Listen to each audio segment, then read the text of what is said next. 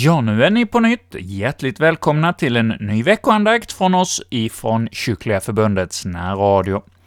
Och nu i fastetid så har vi en eh, serie av passionspredikningar enligt Lukas evangeliet. Och till vår hjälp för de här passionsandakterna så har vi lärarna på församlingsfakulteten i Göteborg, och eh, vi har fått höra två tidigare avsnitt och idag är det då dags för det tredje programmet. Och den här veckan är det Göran Langren som kommer att leda vår andakt.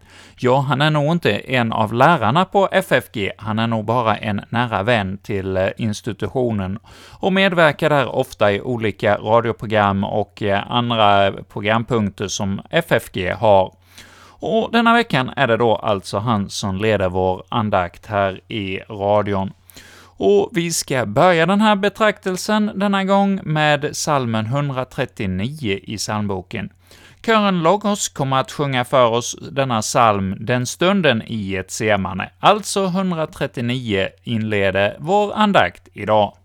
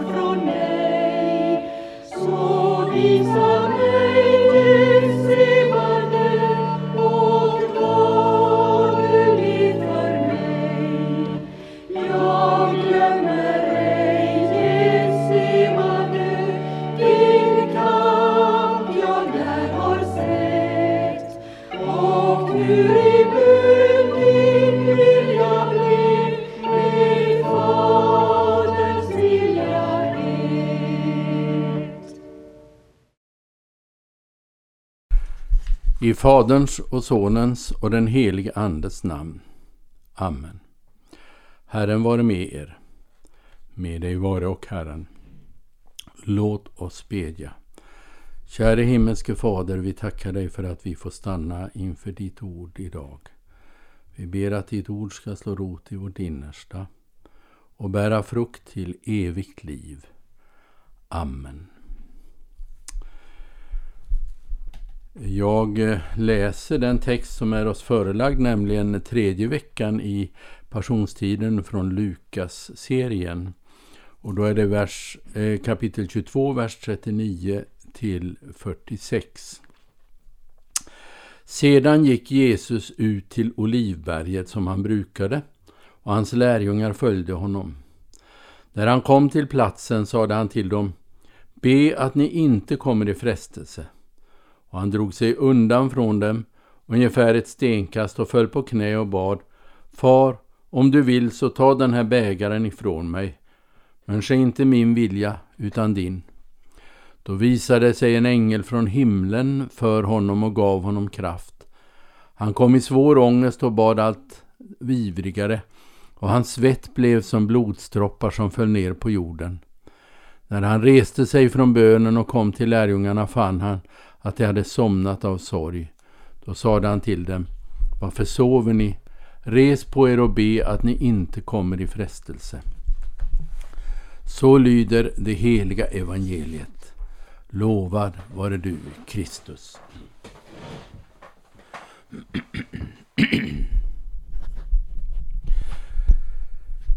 I Jesu namn. Det finns stunder som är speciellt avgörande i en människas liv och händelser som kan ställa oss inför en utmanande situation. Här är det så att Jesus går till Getsema, den plats där han ofta drog sig undan och bad. Och nu kommer allt att ställas på sin spets. De har skilts vid nattvardssalen, Judas har sprungit iväg och han vet vad som väntar. Och så kommer denna brottning med Fadern, ett samtal i bön. Och kampen i Getsemane, den, jag tänker att det lyfter fram fyra saker i vårt liv som vi kan ta med oss. Där ser vi hotet från mörkrets makt, det är det första. Ni ser hela situationen, det är så laddat. De har lämnat nattvardssalen. Judas har gått för att fullborda sitt svek. Det finns ett pris satt på Jesu huvud. Lärjungarna kan inte stå emot i situationens allvar. Här somnar de och sen så sprids de för vinden. De känner precis som vi kan göra att det är något obehagligt på gång. Många av oss har känt det nu när Ukraina, Ryssland invaderade Ukraina. Vi känner de kalla vindarna från andra världskriget eller från mörkrets makter. Och vi undrar hur blir det för oss? Drabbas vi också? Det här kan ge en väldig smärta och för lärjungarna fanns det en sorg eftersom Jesus hade nämnt att han skulle gå till korset. Han hade talat om sin död. Men ibland kan sömnen bli ett sätt att fly. Man försöker komma undan. Man orkar inte med verkligheten som den är. Jesus vet nu att han ska bära världens synd som ett offerlamm. Han som hatar synden ska nu bära den för att vi ska få tillträde till Guds hjärta. Djävulen själv tycker sig se en seger. Han har den religiösa eliten, en av lärjungarna, det allmänna medvetandet om Messias, att det skulle bli en politisk Messias, den politiska makten. Allt hade han under sin, eh, sin makt. Nu kunde han slå till och döda Guds egen son, vinna en slutlig seger. Ni vet, ibland kan det vara så där att ondskan är oerhört massiv och påtaglig. Det finns sådana ögonblick. Detta var ett sådant ögonblick som var alldeles oerhört. Man kan säga det fanns något av densitet i luften, en tyngd av ondska. Men mitt i detta uppenbarar Herren sin godhet och gärning. Och det blir en underbar seger med frälsning för syndare. Djävulen trodde att han segrade, men Jesu död och uppståndelse vänder hela spelet. Det är obegripligt för oss, men det är stort. Vi kan inte så sällan erfara ondskan. Eh, och vi kan också undra, ska den få triumfera? Varför är vi så ofta hjälplösa? Kampen i Getsemane sätter här i fokus. Så det är det första, att vi ser hotet från mörkrets makt. Det andra, att där visar Jesus sin kärlek till oss. Han ber att Fadern ska låta denna bägare gå ifrån honom. Vad är det för bägare? I Gamla testamentet talas det om frälsningens bägare men inte minst om Guds vredes bägares, bägares vin. Hur det skummar av, av Guds vrede. Det är en reaktion från Gud mot allt ont. Och det är den domen som han ger över all ondska. Jesus, den enda rene, gode och oskyldige, ska nu dricka denna bägare i botten. Här samlas allt det onda som vi bär på och Jesus går vägen upp till förbannelsens kors och till uppståndelsen. I min ungdom så var det ett läger i Örby, jag tror det var 1973. Och då talade Bo Giertz, biskop Bo Giertz. Han talade om hur Jesus tog den här kalken och där är alla världens synder, alla våra synder samlade och så dricker han den i botten och bär världens synd upp på korset som ett offerlamm för att vi ska gå fria. Hela världens synders dom bär han. Han blev ett synd och skuldoffer för oss. Allt jag gjort, allt jag svikit, avund, girighet, högmod. Vi kan räkna upp alltihop. Vi kan göra listan lång. Alla våra brister som lärjungar, vi somnar in. Vi är likgiltiga och ser inte allvaret i vår livssituation. Han dricker allt detta i botten. Men inte nog med det. Han gör det för att kunna ge oss en ny bägare frälsningens bägare. Och frälsningens bägare är full av liv från honom. Därför kan Paulus skriva i Romarbrevet 8. Så blir det ingen fällande dom för den som är i Kristus Jesus. Jesus är dömd. Han bär världens synd. Och när vi hör ihop med honom så har redan domen fallit. Men den har fallit på honom och inte på oss. Och Nils Bolander uttrycker detta i en underbar dikt där han säger du låter min bägare flöda över av dina välsignelsers skummande dryck. Vi kämpar alla med synd och svaghet. Men se vilken ömhet Jesus har. Han går tillbaka tre gånger till lärjungarna. Han har liksom ett ömt hjärta för de här. Och det betonas särskilt i Lukas evangeliet. Det tredje vi ser det är att vi ser bönens makt. Vi tänker att alla slag avgörs på slagfältet. Men i Bibeln är det andra saker som avgör. Nämligen om människor lever i relation till Gud och är i våg i samma våglängd som Gud och man lever i den gemenskapen. Då får man också del av Guds kraft. I Jesu bön brottas han med att han hatar ju synden och älskar Faderns vilja och oss människor. Och nu offrar han sig. Och därför behövs det en kamp i bön för att gå den väg som egentligen innebär ett fruktansvärt stort offer för honom. Han går in under Faderns vilja och genomlider detta för vår skull. Man kan säga att den stora kampen i livet, det är inte bara omständigheter och annat. Allt är stora kamper. Men den stora kampen är kampen med Gud. Att komma rätt i relation till honom. Han har makten. Bönen är inte att övertala Gud. Det är där i stillheten inför Gud som olika saker avgörs.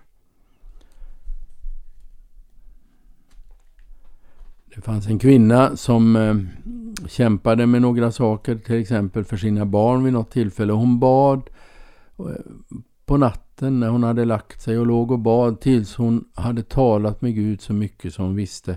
Detta är i Guds hand. Ibland fattar vi förhastade beslut men Gud vill leda oss in i ett samtal med honom, med Fadern i Jesu namn. Och då kan vi också se att i vår svaghet så behöver vi inte släppa Gud. Jag släpper dig inte, bad Jakob. Jag släpper dig inte med mindre du välsignar mig. Och bönens makt innebär också att det står i Romarbrevet 8.34 att Jesus manar gott för oss inför Fadern. Gud vill oss väl. Och Martin Luther kan därför säga att han har hellre en hel här mot sig än en bedjande människa.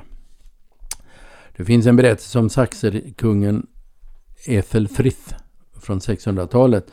Han var kung över Northumbrien. De skulle strida mot walesarna som var kristna. Och före slaget såg han en liten grupp gå undan som inte hade några vapen. Och det var munkar som gick för att be. Och då säger han, ta dem först. Han hade insett det vi inte alltid inser, nämligen bönens makt. Inser vilka, vi vilken makt bönen är? Använder vi oss av den? Vi är kallade att gå in i ett semane och kämpa med Gud. Herre, överge oss inte. Herre, möt oss i vårt land. Herre, låt det bli en väckelse på nytt. Vi får låta den bönen ständigt gå upp till vår himmelske far. I vår bön ställs vår mänskliga och synd besmittade vilja inför Guds vilja. Det är i den bönen och brottningen som vi kan få hjälp att se Guds väg. Den bönen får formas av att höra Guds röst i hans ord. Och så det sista. I kampen där ser vi att Jesus går före oss. Jesus säger åt lärjungarna att följa med honom. Han är styrkt av kampen i bön. Han är styrkt av bönen. Men de har inte gjort sin läxa. Över tid som lär de sig mer och mer när de går i Jesu fotspår att de får lära sig att bedja och att i bönen öppnar Gud möjligheter. Så de blir styrkta av hans ord och hans ande. När vi går i vårt liv och följer i Jesu fotspår så kan vi bli påminda om som en underbar hälsning. Jesus har varit här före oss. För den som kämpar med ångest och förtvivlan. Jesus har varit där före och han har varit djupare ner. Han har ropat min Gud, min Gud, varför har du övergivit mig? Han vet hur det är att ha ångest. Han vet mer än vi om det. Och han är där före oss, mitt i vår ångest. Han har gått den svåra och omöjliga vägen till avrättningsplatsen. Vad som än händer, vilken svår väg vi än har att gå, kanske till ett sjukhus eller eh, andra saker som drabbar oss som är svårt, så är Jesus där före oss.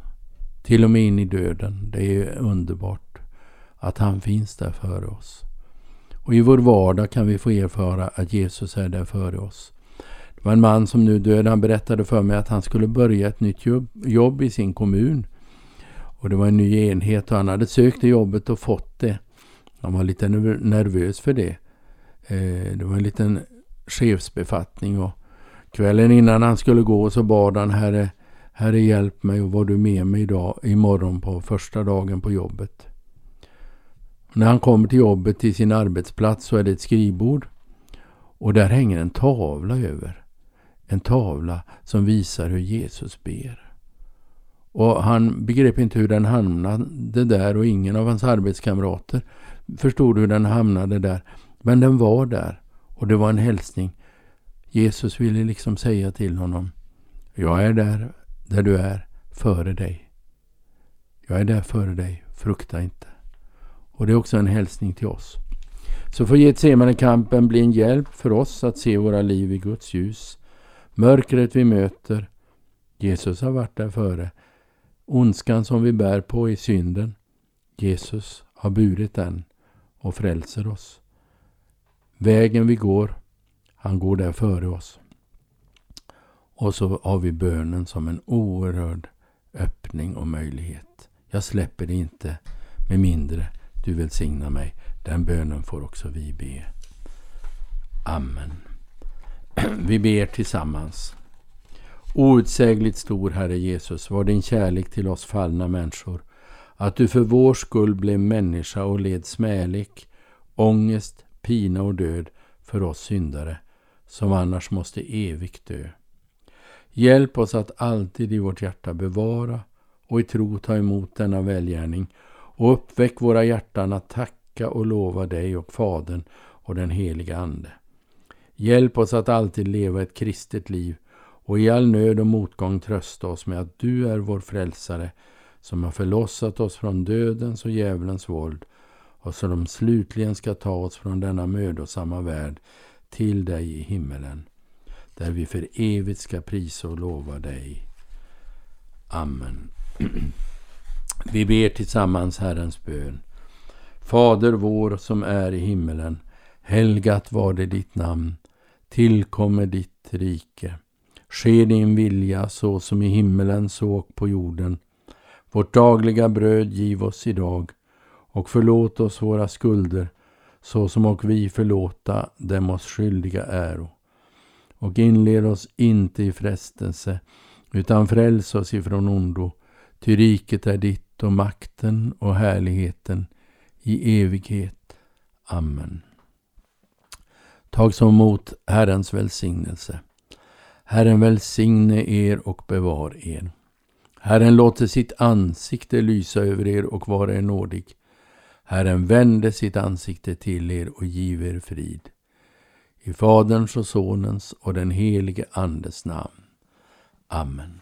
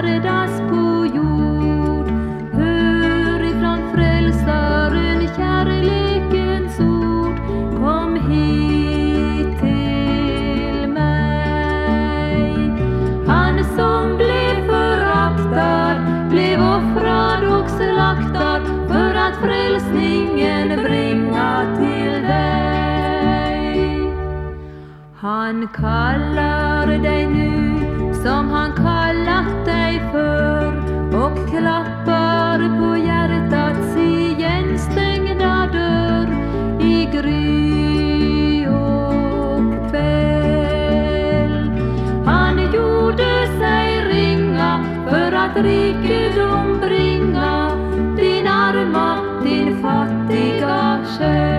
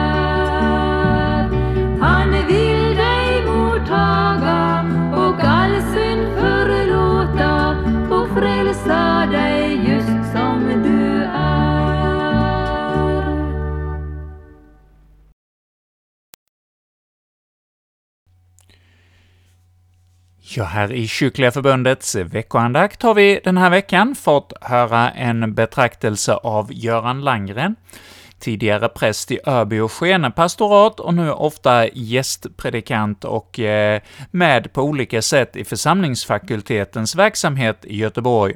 Och nu under fastan så har vi ju en serie passionsandakter enligt Lukas evangeliet som lärare och vänner till FFG står för. Och idag var det då Göran Langgren som ledde det tredje avsnittet av denna serie. Och efter själva andakten så fick vi höra Arnhild Westman sjunga för oss sången ”De röda blodsdroppar”. Ja, Westman kanske det är någon av er lyssnare som känner igen det namnet. Hennes man Kurt Westman har gjort den här programserien Väg genom Bibeln, som ofta sänds på många olika närradiostationer. Och Ja, vi från Kyrkliga Förbundet säger nu tack till er alla som har velat vara med och höra veckans andakt, och ni är alla välkomna tillbaka igen om en vecka och då åter höra en passionsandakt från en av de andra lärarna på FFG i Göteborg. Då blir det det fjärde programmet vi kommer att få lyssna till här i en pågående serie av sex passionsandakter. Och ja, den här andakten sänds i Växjö närradio på eh, onsdagskvällar klockan 20, och i Borås närradio kan du också lyssna till den här andakten, men då är det på fredagskvällar 19.30 med repris på lördagar 14.30, och i Borås är sändningsfrekvensen Borås närradio 92,5 MHz och i Växjö så är det frekvensen 102,4, alltså på onsdagskvällar då. Men om du inte har möjlighet att lyssna till denna andakten på någon av dessa närradiostationer och har internet, jag går då gärna in på vår hemsida, kyrkligaförbundet.se. Där kan du eh, lyssna till alla våra andakter när du själv vill. Och där på hemsidan finns nu också information om Kyrkliga Förbundets midsommarmöte det här året 2022. Ja, vi har ju haft pandemi ett par år och då har ju det här midsommarmötet varit inställt, men i år ser det ut som att det ska kunna bli ett möte på Hjortsbergagården i Småland. Så hjärtligt välkomna dit i midsommarhelgen, och gå gärna då in på vår hemsida och se mer om programmet. Och med detta så säger jag, som heter Erik Olsson, nu tack för denna vecka och önskar er alla Guds rika välsignelse. Och vi avslutar nu vår andakt idag med eh, salmen 45 i psalmboken. Se Jesus Jesus för världen givit sitt liv, öppnade ögon Herre mig giv.